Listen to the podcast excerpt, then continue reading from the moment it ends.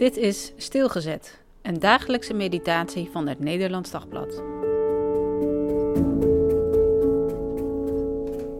Eervol. 2 Samuel 3, vers 32. Koning David liep zelf achter de baar toen Abner in Hebron werd begraven. De koning jammerde luidkeels bij Abners graf en de soldaten jammerden mee. Het nieuws van de moord op Abner is natuurlijk als een lopend vuurtje door Hebron gegaan. Het is tenslotte in de poort gebeurd. En iedereen vindt er natuurlijk wat van. Net goed. Of dit is niet eerlijk. Of wat gaat er nu met het vredesproces gebeuren? Maar hoe dan ook, Abner is een vijand en dus zal zijn lichaam snel weggestopt worden in een haastig graf.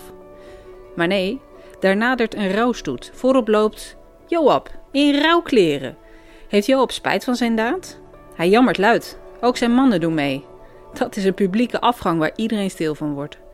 En kijk, daar achter de baar loopt de koning zelf. Abner krijgt de meest eervolle begrafenis die je maar kunt denken. Zo doen wij dat dus, als David koning is.